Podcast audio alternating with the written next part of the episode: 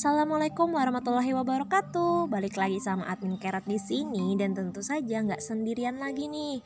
Nah kemarin kita udah bahas tentang love shelf. Nah sekarang kita tetap bareng sama kakak pecinta kucing buat bikin lanjutannya. Assalamualaikum kakak. Waalaikumsalam warahmatullahi wabarakatuh. Waalaikumsalam. Nah apa kabarnya kak? Alhamdulillah baik.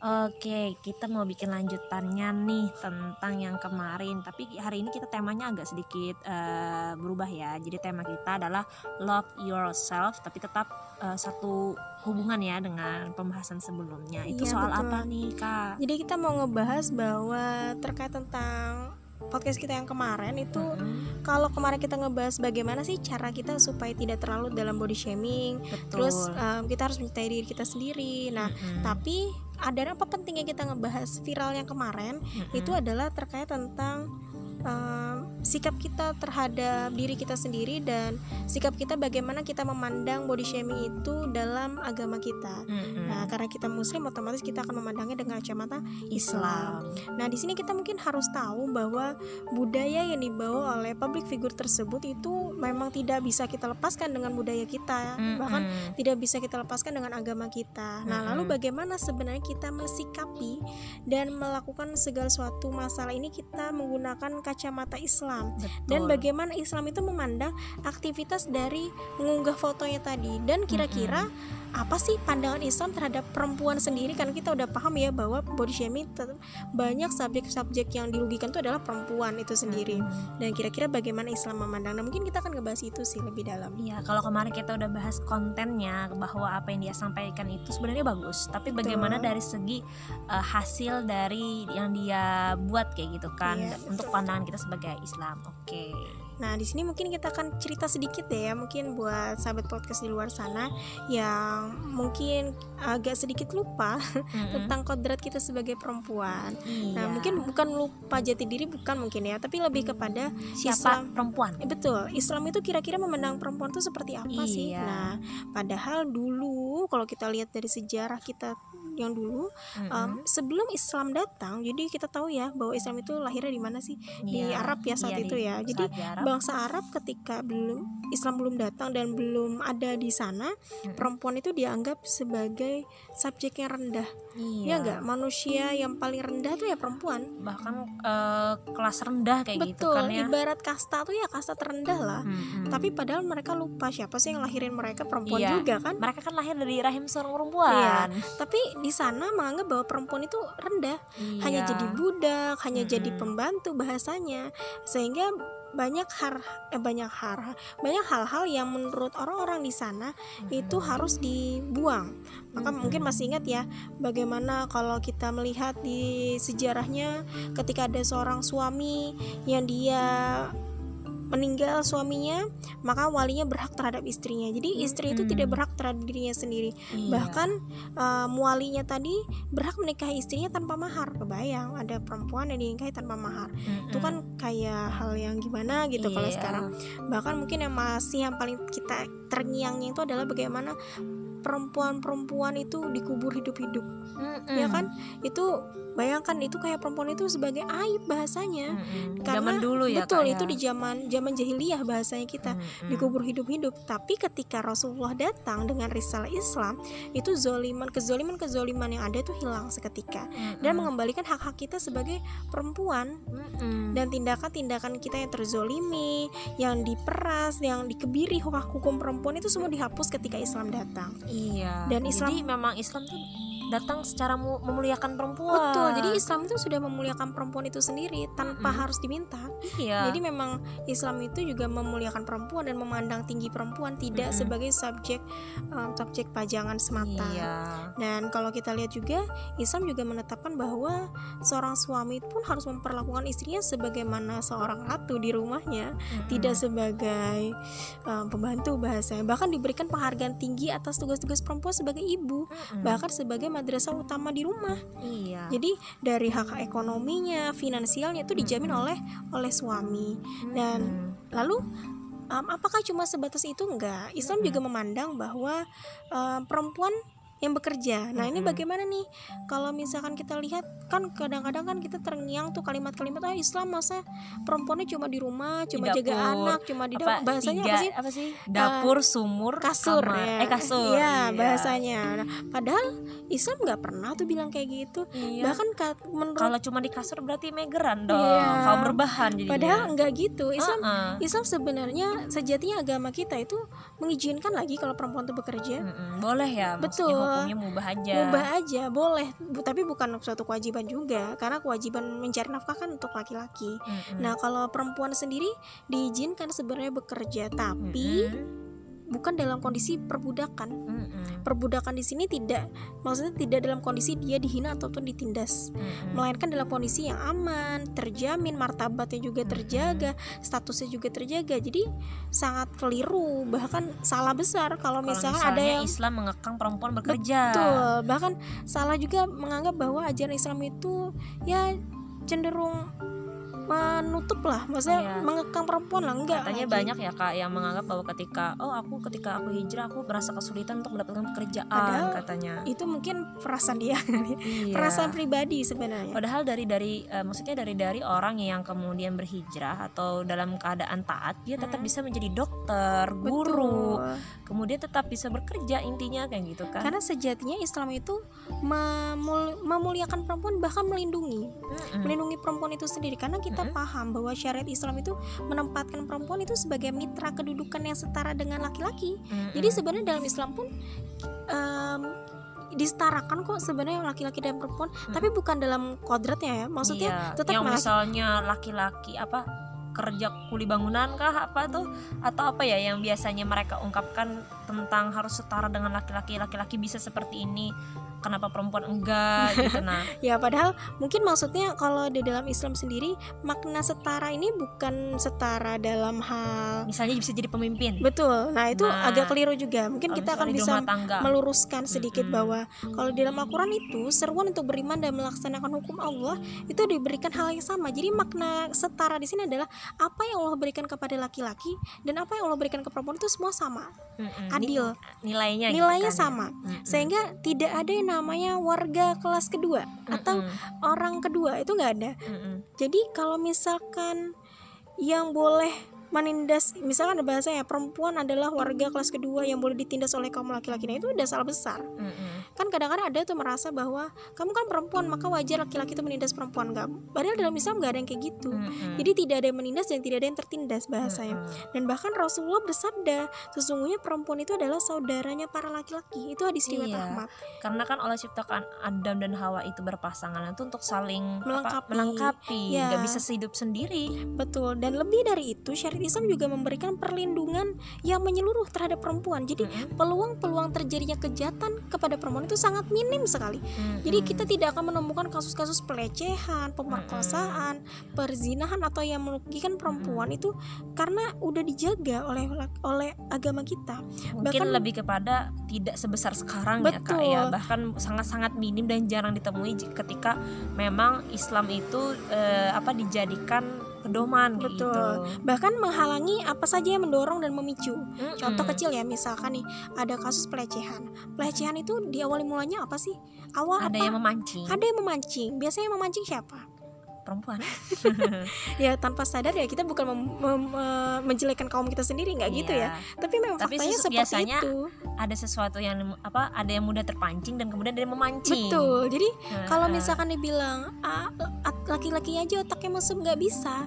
Karena laki-laki kodratnya adalah memang- ya fitrahnya melihat yang indah bahasanya. Iya. Nggak bisa kita me- untuk menyuruh mereka untuk menutup mata dan menutup hati mereka nggak bisa juga. Hmm, nanti Se- nggak normal dong. betul. Sepandai-pandainya laki-laki menjaga pandangan pun mereka tetap bis, tetap punya hasrat. iya tetap punya hasrat. Hmm. A- makanya harus di sini harus ada kontribusi dua belah pihak. Laki-lakinya Dan menjaga dan perempuannya juga menjaga. Sehingga Iya. ketika Islam itu sudah mengatakan hal yang seperti itu maka kalimat-kalimat atau kalimat hal-hal yang terjadi yang mendorong bahkan memicu itu bisa minim.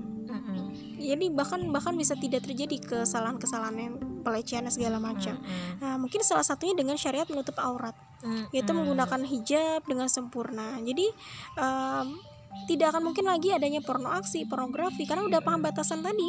Nah dan ini sudah jelas di dalam agama kita. Ibaratnya bahasa kita tuh udah dalam Al-Quran tuh udah jelas Allah Allah sampaikan lewat Al-Quran.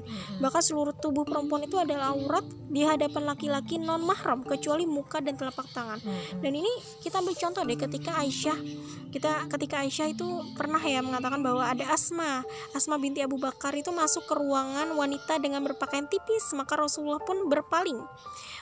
Wahai Asma kata Rasulullah sesungguhnya perempuan itu jika telah balik tidak pantas menampakkan tubuhnya hadza wa hadza kata Rasul Mm-mm. ini dan ini jadi Rasul itu menunjukkan telapak tangan dan wajah menunjukkan wajah dan telapak tangan Mm-mm. Padahal kata Aisyah, loh ini kan saudaraku bahasanya Aisyah tuh. Mm-mm. Ibaratnya Asma sama Aisyah kan sama ya Ya, sesama saudara sau- saudara, tapi kan itu kan bukan mahramnya Rasulullah Iya, bahasanya. jadi Emang kan ibaratnya Rasulullah tidak boleh eh tidak punya hak untuk melihat asma Dan gitu. Kata Rasulullah itu dia sudah balik, maka dia tidak boleh memperlihatkan tubuhnya itu bahasanya sehingga Mm-mm. itu sudah Rasul contohkan kepada kita. Bahkan Allah menyampaikan dalam Quran surah Al-Ahzab ayat 59 dan Quran surah um, Al-Ahzab juga ayat 33. Kalau dalam An-Nur 31 itu terkait tentang kerudung, Mm-mm. Al-Ahzab ayat 59 terkait tentang jilbab, kalau Al-Ahzab ayat 33 tentang tabaruj yang berlebihan, yang berhias secara berlebih-lebihan. Nah, sehingga ini adalah syariat yang pasti mengandung maslahat bagi setiap orang. Mm. Namun kadang-kadang ada Eh, muslimah yang ibaratnya kita sebagai muslimah itu em, tahu aturan Allah tapi, tapi menghindari betul menghindari kayak merasa kemudaratan. eh, merasa terkekang Iya. malah Aku pakai kerudung gak bisa memperlihatkan kecantikanku. Iya. gitu bahasanya. ya sih ya kayak kayaknya memang eh, perempuan itu diciptakan dengan perasaan yang ingin menampakkan itu gitu Betul. kan makanya kan karena Allah tahu gitu kan kalau kita menampakkan itu tuh pasti apa bisa menimbulkan sesuatu gitu Betul. kan Dan kita akan kembali lagi ke permasalahan awal. Jadi Mm-mm. kenapa sih harus ngebahas ini semua? Karena ini ada sangkut pautnya sama foto yang diunggah kemarin. Jadi kan kita tahu hukum foto adalah mubah. Mm-mm. Dan tapi di ketika kita tahu hukum foto itu adalah mubah, maka kita lihat dulu subjek fotonya apa. Oh, ternyata subjek fotonya adalah mengunggah foto setengah telanjang, bahkan telanjang di akun sosial media. Ini kan termasuk aktivitas yang mengumbar aurat nih.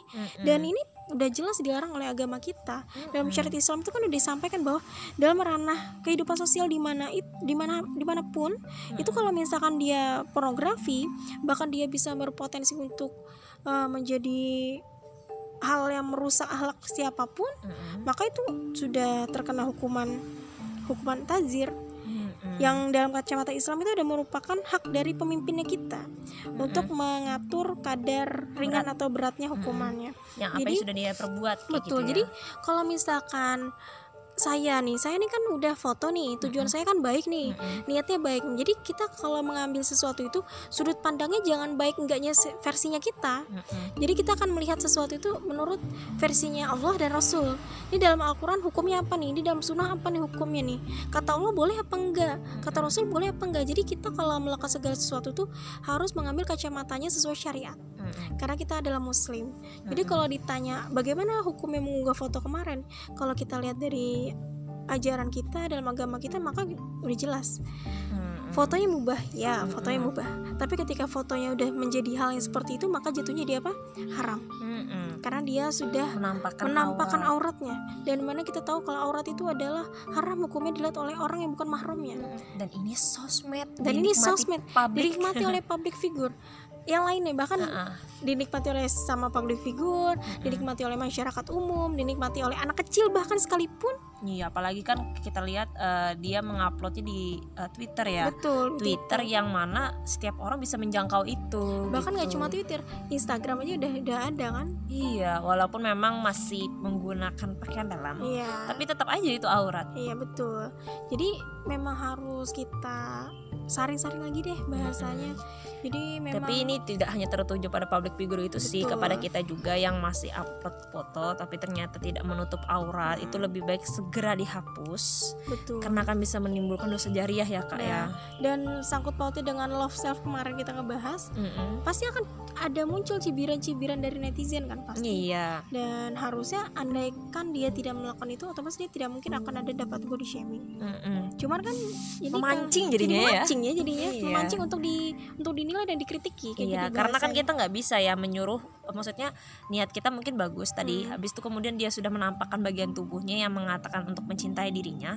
Tapi nggak semua bisa netizen menganggap itu bagus. Pasti ada netizen juga yang akan menjelekkan itu. Betul. Dan kalau misalkan ditanya apakah itu jadi memuliakan dia sebagai perempuan?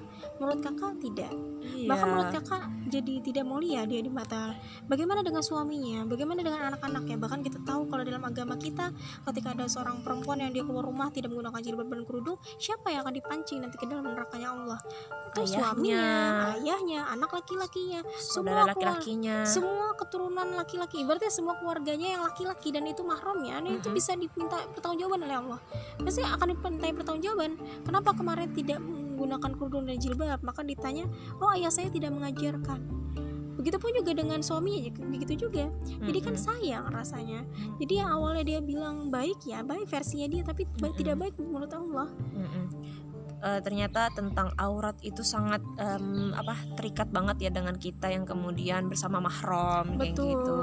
dan mungkin kita akan ngambil lagi ke body shaming yang tadi yang kemarin kita ngebahas Mm-mm. bagaimana cara kita agar tidak tidak terjadi hal-hal yang seperti itu, itu tadi Mm-mm. maka ketika kita udah udah misalkan nih kita dinilai oleh orang lain terkait tentang itu maka kita satu kembalikan lagi bahwa kita akan diminta pertanggungjawaban oleh Allah. Mm-mm. yang kedua eh, setiap aktivitas kita itu kita kembalikan lagi kepada imannya kita. Ini iman Mm-mm. saya ini iman kepada Allah iman kepada Rasul. Kita Mm-mm. balikin ke pondasi awal lalu ketika udah kita balik ke pondasi awal kita akan ngelihat wah kira-kira saya mau baper nih. Oke saya Mm-mm. akan baper dengan dengan hujatan orang tapi dilihat dulu baper kita ini kenapa?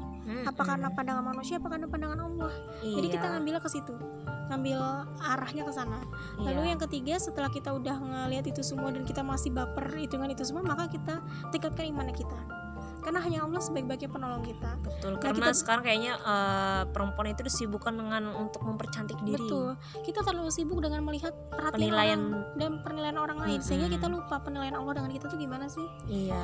bagaimana Allah memandang kita bagaimana Rasul memandang kita nah itu harusnya kan itu dijadikan tolak ukur sebenarnya Iya, bukan tolak ukur kita tuh manusia yang kemudian hanya menilai dari matanya aja Betul. juga gitu Jadi kan. kalau ditanya bagaimana caranya supaya kita tidak terjadi hal-hal yang seperti tadi ya memang balikin lagi kondisi awal kita sebagai muslim.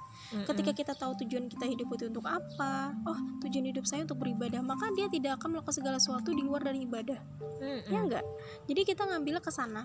Setelah kita lihat oh tujuan hidup saya untuk beribadah, maka harusnya totalitas dong untuk ibadahnya, jangan setengah-setengah.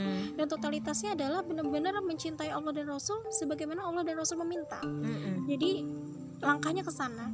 Jadi memang harus kita perhatikan sekali deh dengan perempuan karena Mm-mm. perempuan ini jadi memang luar biasa. Kenapa kita penting banget ngebahas tentang diri kita, tentang orang-orang luar sana karena kita tahu ya, Dek, bahwa siapa sih yang paling banyak umatnya Rasulullah yang ada di neraka? wanita. Wanita. Mm-mm. Wanita itu siapa? Ya kita perempuan. Iya.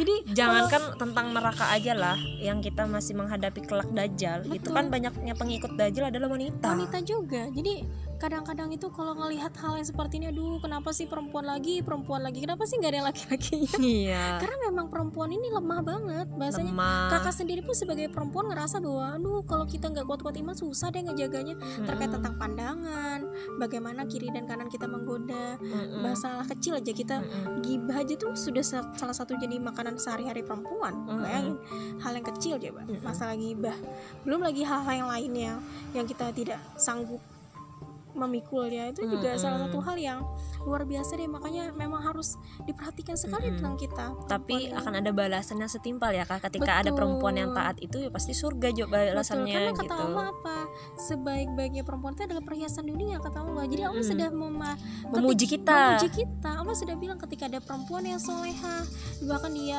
taat kepada suaminya lalu dia taat kepada Allah dan Rasul maka kata Allah dia akan masuk lewat pintu surga mana saja Masya Enak Allah. banget kan jadinya? Iya. kita tuh cuma punya pilihan ya taat taat atau maksiat. taat atau maksiat betul Mm-mm. kalau mau taat sama Allah nanti kalau kita udah nikah terus kita taat pada suami kita Mm-mm. dan itu ladang pahala, banget Pahala. Mm-mm. Tapi ketika kita tidak maksiat pada Allah, maksiat pada suami, maksiat pada yang lain, maka kata Allah ya masuk aja kan neraka pintu mana saja. iya. Pilih juga gitu kan. Nauzubillah min jangan sampai kita menjadi orang-orang yang seperti itu. Iya betul banget. Oke, keren banget pembahasannya ya. Jadi ini benar-benar seperti kesimpulan dari pembahasan yang pertama ya Betul betul. tentang eh, bagaimana sebenarnya perempuan itu dipandang secara kacamata Islam. Dan juga kita ada pertanyaan nih Kak dari teman kita dari Mairiansa katanya itu uh, mau nanya gimana cara pandang Islam tentang perempuan yang bekerja yang seharusnya didahulukan kerjaannya atau pekerjaan rumah tangga. Oh iya. iya oke oke oke oh ini berarti balik ke yang awal yang awal yeah. kita bahas tadi apakah perempuan itu ketika dia menikah berarti kita lihat dulu kodrat mm perempuan ketika dia menikah mm -hmm. oke ketika dia menikah perempuan itu udah jadi hak suaminya itu udah pasti dan yeah. itu udah iya. jelas mm -hmm. maka kalau ditanya balikin apakah hukumnya perempuan itu bekerja mm -hmm. maka kita tahu hukum perempuan bekerja adalah mubah mm -hmm. mubah dalam kacamata di sini adalah berarti dia boleh-boleh saja bekerja mm -hmm. tapi dengan satu catatan izin suami iya apakah suaminya ridho dia bekerja tadi? Atau tidak. Mm-hmm. tetap balik ke sana. Ketika dia taat kepada suami kalau kata suami udah aku aja aku sanggup kok. Ya udah. Ya udah kita santuy aja santuy lagi aja. di rumah. Cuma kadang-kadang namanya manusia ya apalagi kita perempuan tuh kadang-kadang bakonya ketinggi yang ngerasa iya. aku kan udah sarjana S1 S2 S3 S4 iya. Kok aku cuma di rumah ngurus anak lah iya. padahal anak itu prioritas loh anak itu menjadi amanah dari Allah. amanah dari Allah yang mana harusnya dia berpikir gimana caranya anaknya itu bisa jadi anak yang soleh dan soleha. Karena ladang pahala dan surga itu ada di situ. Betul. Dan harusnya kita memprioritaskan anaknya kita. Iya. Ketimbang orang lain ketimbang mm -hmm. ini enggak kadang-kadang itu yang menjadi kesalahan fatal kenapa jadinya ada banyak orang-orang mengatakan udah perempuan itu nggak boleh kerja. Kenapa? Karena ketika dia bekerja dia lupa tanggung jawabnya terhadap betul anaknya. dia lupa sama kewajibannya sebagai seorang istri dan ibu betul lupa karena ya kita tahu lah kalau ibu-ibu pekerja itu gimana sih pagi-pagi iya. dia harus uh, memberikan asupan gizi kepada suami dan anak mm -hmm. ya kan masak iya. nyuci bersih bersih rumah nggak mungkin dong dia tinggalin mm -hmm. tapi uh, dari yang kita lihat kondisi sekarang ya memang kalau wanita-wanita karir yang sudah bersuami dan memiliki anak akhirnya jatuhnya anaknya banyak yang ditelantarkan, dititipkan. dititipkan. Mungkin bahasanya nggak ditelantarin deh, ditelantarin deh, tapi lebih uh -huh. kepada dia merasa bahwa saya titipin deh anaknya di playgroup hmm. misalkan, di iya. playgroup yang atau mahal. di tempat penitipan anak. Betul, di tempat penitipan anak yang ibaratnya ya memang, memang punya terjamin, kualitas. memang berkualitas, memang uh -huh. ada hafalannya misalkan, uh -huh. misalkan ada tempat yang luar biasa dengan gocek juga yang luar biasa mahal misalkan. Uh -huh. Tapi itu nggak sebanding dengan apa yang diberikan Kehadiran ibunya seorang ibu. Seorang ibunya. Hmm, walaupun Karena kan perempuan madrasah ula iya beda ya dengan perempuan yang dia ilmunya kurang misalkan. Mm-hmm. dia dia merasa bahwa ilmu saya kurang maka saya titipkan. Kan beda beda kasus ceritanya. Mm-hmm. ini si ibunya dia bekerja. Maka kasusnya maka di sini juga kita lihat um, ibunya bekerja ini apakah kewajiban karena suaminya tidak bekerja ataukah seperti apa? Mm-hmm. jadi mungkin akan ditarik dulu. Kalau misalnya bekerja dia bekerjanya karena apa? Mm-hmm. jadi ditanya dulu kepada kalo, pribadi kalau hanya karena merasa ingin ah kayaknya apa uang suami kurang yeah. kayak gitu. Kerja kerja maka dia, dia ingin membantu. Maka kasusnya dia bekerja itu bukan untuk kewajiban tapi untuk membantu suami. Maka jatuhnya sedekah mm-hmm. jadi dia sedekah sebenarnya kepada mm-hmm. keluarganya ada juga yang memang kondisi suaminya nggak kerja jadi akhirnya dia kerja Betul. atau dia atau suaminya sakit atau dia single parent ya, atau single parent maka kewajiban bekerja jadi jatuhnya kepada dia sebenarnya nggak juga ya iya karena tetap hukumnya tidak berubah betul hukumnya tidak berubah mau kamu single parent mau kamu uh, cerai mati misalkan nah. atau kamu ditinggal suami mau atau seperti apa tetap, tetap hukum itu jatuhnya mubah tidak ada perubahan hukum. Karena kita tahu perempuan itu adalah salah satu hal yang udah Allah berikan hukum yaitu yeah. pekerjaan dalam perempuan itu kewajiban yang pertama adalah keluarga. Hmm kewajiban pertama adalah mendidik anaknya mm -hmm. itu adalah hal yang paling utama. Iya. Ada juga ada juga yang memang sengaja ya Kak, yang memang dia bekerja ya ya udah kerja aja gitu kan, iya. kan karena merasa mungkin dia tadi bakonya tadi kan Betul. kan karena dia sarjana. Jadi mungkin um, kalau ditanya bagaimana hukumnya dia bekerja jatuhnya tetap mubah satu. Mm -hmm. Yang kedua, tadi balik lagi apakah suaminya ridho atau tidak. Mm -hmm. Yang ketiga dia bekerja alasannya untuk apa? Mm -hmm. Apakah dia bekerjanya karena karena titelnya mm-hmm. atau karena keinginan nafsunya saja atau kondisi atau tertentu. kondisi tertentu ya jadi lebih ke situ mm-hmm. ketika misalkan dia sudah berada oh ternyata dia di kondisi tertentu mm-hmm. maka menjadi kewajiban dia misalkan ya kita mm-hmm. tahu ya kita tahu kondisi sekarang padahal ya mm-hmm. kalau kita bahas pekerjaan ini kita ingat banget kalau dalam Islam Islam itu memandang ketika ada perempuan yang dia di, di rumahnya, misalkan suami meninggal, mm-hmm. lalu di rumahnya itu dia punya anak banyak misalkan, mm-hmm. maka siapa yang akan memberikan makan dan memberikan nafkah kepada keluarganya? Maka ditanya adalah keluarga laki-laki di rumahnya. Mm-hmm. Ada nggak laki-laki di rumahnya? Kalau misalkan ternyata laki-lakinya tidak ada di rumahnya, mm-hmm. maka negara tuh punya peran penting untuk memberi nafkah kepada perempuan itu. Ya, itu ya. memang dalam Islam tugas negara tuh seperti itu riayah sunul ummah mengurusi urusan umat itu sampai ke detail segitu. Cuman kan kita tahu dalam kondisi sekarang kita tidak seperti itu. Maka akhirnya banyak perempuan-perempuan di luar sana yang mau nggak mau akhirnya bekerja menjadi menjadi kepala keluarga sekaligus ibu rumah tangga di dalam rumahnya. Karena kondisi yang terpaksa tadi bahasanya. Tapi tetap ketika kondisi terpaksa tidak merubah hukum mubahnya tadi. Tetap jatuhnya mubah. Ada juga ya kondisi yang kemudian dia belum menikah Iya. seorang perempuan tapi karena eh, dia hanya ingin seke- apa sengaja bekerja kayak gitu kan. Tapi eh, tetap dalam Islam kan hukumnya mubah ya tetap kak nggak ya? berubah. Ha-ha. mau dia sudah menikah atau belum menikah ya tetap aja hukum perempuan itu bekerja Ah. mubah. Dan Sehingga- bahkan sebelum dia menikah ya kak ya betul. itu sebenarnya tanggung jawab untuk menafkahi dirinya itu seorang Masih sama perempuan tadi. bapaknya. iya sama bapaknya. Kalau nggak ada sama bapaknya bapaknya. saudara laki-lakinya Iya. ya kak cuma ya? kadang-kadang kitanya berpikir kalau udah lulus kuliah mikirnya adalah kerja. Iya. Jadi padahal itu belum. Iya. Dan mungkin karena juga kondisi kita saat Iya, ini juga ya. Karena kita berada di kondisi yang terpaksa kita harus mencari kerja nah itu Iya. yang yang keberapa tadi ya? Yang ketiga atau yang Mm-mm. keempat ya? Pokoknya sete- setelah kita melihat itu semua maka kita, kita lihat lagi oh kalau misalkan dia berada di kondisi tertentu maka yang selanjutnya kita lihat adalah pekerjaan apa yang dia ambil. Mm-mm. pekerjaan apa yang dia ambil. Ketika pekerjaan itu masih dalam kondisinya halal maka tidak apa-apa. Kondisinya selama kita bisa tetap taat syariat Betul. gitu kan. Jadi dia kondisi bekerja di tempatnya halal yang pertama. Yang kedua dia masih menggunakan pakaian muslimah Mm-mm. pakaian muslimah ini dia masih menggunakan aturan muslimah yang itu itu menggunakan jilbab dan kerudung Mm-mm. secara lengkap tanpa meng- melepas Mm-mm. nah maka tidak apa-apa Mm-mm. karena kebanyakan kan kita tahu perempuan-perempuan sekarang itu sebenarnya jadi komersil Mm-mm. jadi dijual sebenarnya kita tuh bahasanya itu kayak ya perempuannya kayak bahasa dijual bukan bahasa yang perempuan yang dijual diri bukan itu tapi lebih kepada perempuan itu diobral jadi objek jadi objek jualan Mm-mm. jual rokok yang dipajang perempuan jual Iya. mobil yang dipajang perempuan Mm-mm. jual iklan ba- iklan. Yang jual perempuan. Beli beli baju sepatu apa apa semua perempuan yang dijual. Jadi sebenarnya perempuan itu jadi bahan objek komersil sebenarnya. Mm-mm. padahal perempuan itu tidak seperti itu. Kan sebegitu murahnya kita dipandang oleh orang-orang di luar sana. Nah itu mungkin lebih ke situ pekerjaannya. Lalu kalau pertanyaan tadi apakah yang harus diutamakan pekerjaan atau rumah tangga? Ya rumah tangga.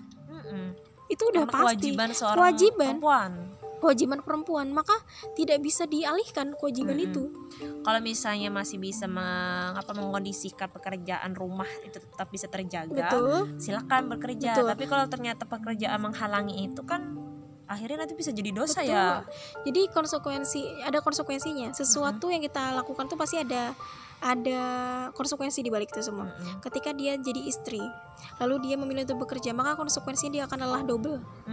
Lelah double kan? Mikirin kerjaan, plus mikirin anak, plus mikirin suami, plus Mikirin rumah rumah. lagi. Jadi double. Jadi kalau ada perempuan-perempuan di situ maka dia hebat sebenarnya. Tidak boleh ada yang ditinggalkan. Mm-mm. Cuman kadang-kadang ada juga perempuan yang dia bekerja tapi akhirnya dia ngetring, Mm-mm. beli makan di luar, Iya. anaknya dititipin, Iya. suaminya dititipin. Suaminya dititip. lebih kepada suaminya disuruh makan di luar ya, gitu. kebayang ya padahal kan padahal pahala yang paling besar itu adalah ngurusi rumah tangga. Mm-mm. Ketika suaminya memakan masakannya dan mengucapkan terima kasih itu pahala. apalagi ketika- bikin perut apa suami kenyang dan nyaman itu Betul. pahala Pahala senyum keluarga, berba ibaratnya berbakti dengan keluarga itu Hmm. pahalanya luar biasa. Mm-mm. Cuma kadang-kadang kita sebagai perempuan itu nggak kita nggak ngomongin orang ya kita kita aja deh kadang-kadang itu kita ngambil enak aja praktis aja ah yang penting dia udah makan padahal kita pahalanya itu diambil jadi Hmm. lebih ke situ cuman karena kita nggak bisa ngeliat pahala akhirnya kita menjadi santai iya coba kalau kita bisa ngeliat pahala hmm, Udahlah, jangan apa-apa, kan kan mau banyak uang juga Betul. katanya kalau sekarang kita lihat kan adalah uang karena itu ada faktanya padahal Mm-mm. andai kan kita bisa lihat pahala Mm-mm. uh kita akan milih di rumah deh ketimbang di luar Mm-mm. karena pahala di rumah tuh jual luar biasa besar dan luar biasa banyak untuk gitu. perempuan lebih ke situ sih Lip. Mm-mm. Jadi kalau ditanya pekerjaan ya itu tadi memang tidak bisa berubah hukumnya mubah. Mm-mm. Sama mungkin kalau kita narik foto juga, foto Mm-mm. juga mubah. Mm-mm. Mau dari kayak gimana pun tetap mubah. iya Sama kayak pekerjaan. tapi kalau foto kita lebih lihat konten apa sih mau kita buat Betul. gitu kan Fotonya foto apa? Tetap Mm-mm. tidak ada yang melua, meng- keluar dari batasan perempuan itu tetap menjaga aturan syariat. betul Nah, ya. Oke, masya Allah banget ya tadi buat untuk yang penanya tadi semoga bisa dipahami ya. Betul. Jadi untuk uh, ke depannya mungkin bisa dipertimbangkan lagi nih kayak gitu kan untuk pilihan-pilihan bekerjanya, kemudian tanggung jawabnya sebagai perempuan juga.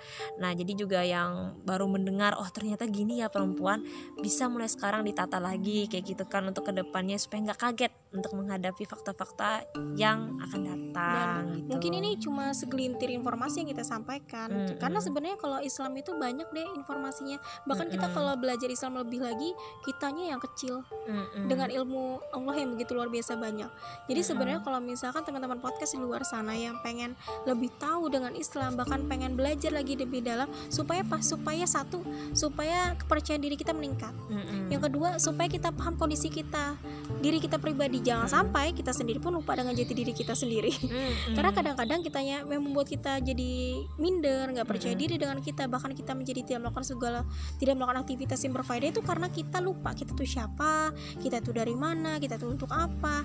Nah, jadi kita harus tahu tiga pertanyaan itu. Nah, taunya dari mana? Dengan belajar Islam. Makanya teman-teman semua mungkin bisa belajar Islam dengan teman-teman di luar sana, bisa Mm-mm. bisa mungkin um, bisa ngobrol dengan orang-orang yang udah ngaji di luar sana, bahkan bisa datang ke majelis-majelis ilmu. Mm-mm, Masya Allah banget. Sya- eh, Makasih banget ya kak buat sarannya yang luar biasa. Kemudian banyak ilmu yang bisa kita dapat Kayak gitu kan bisa kita tarik Bisa kita jadikan eh, pelajaran juga buat kita Kayak gitu kan. Nah untuk buat teman-teman juga yang sangat lekat dengan sosmed juga Mulai sekarang mulai berhati-hati nih Apalagi perempuan nih Kayak gitu Karena kan. perempuan itu Eh, Racun dunia itu kayak lagu Changcuter ya, racun iya, dunia. Iya, racun dunia gitu kan. Oke, mungkin eh, podcast kali ini sampai di sini dulu. Betul. Salah hilap mohon maaf. Nah, ambil yang baiknya silakan buang buruknya gitu kan. Karena kita sharing aja sih sebenarnya. Iya, ngobrol-ngobrol santai Ngobrol-ngobrol gitu, santai. kayak gitu. Oke, mungkin itu dulu ya Kak ya Ya, dari kita. Eh, akhir kata, wassalamualaikum Assalamualaikum warahmatullahi warahmatullahi wabarakatuh.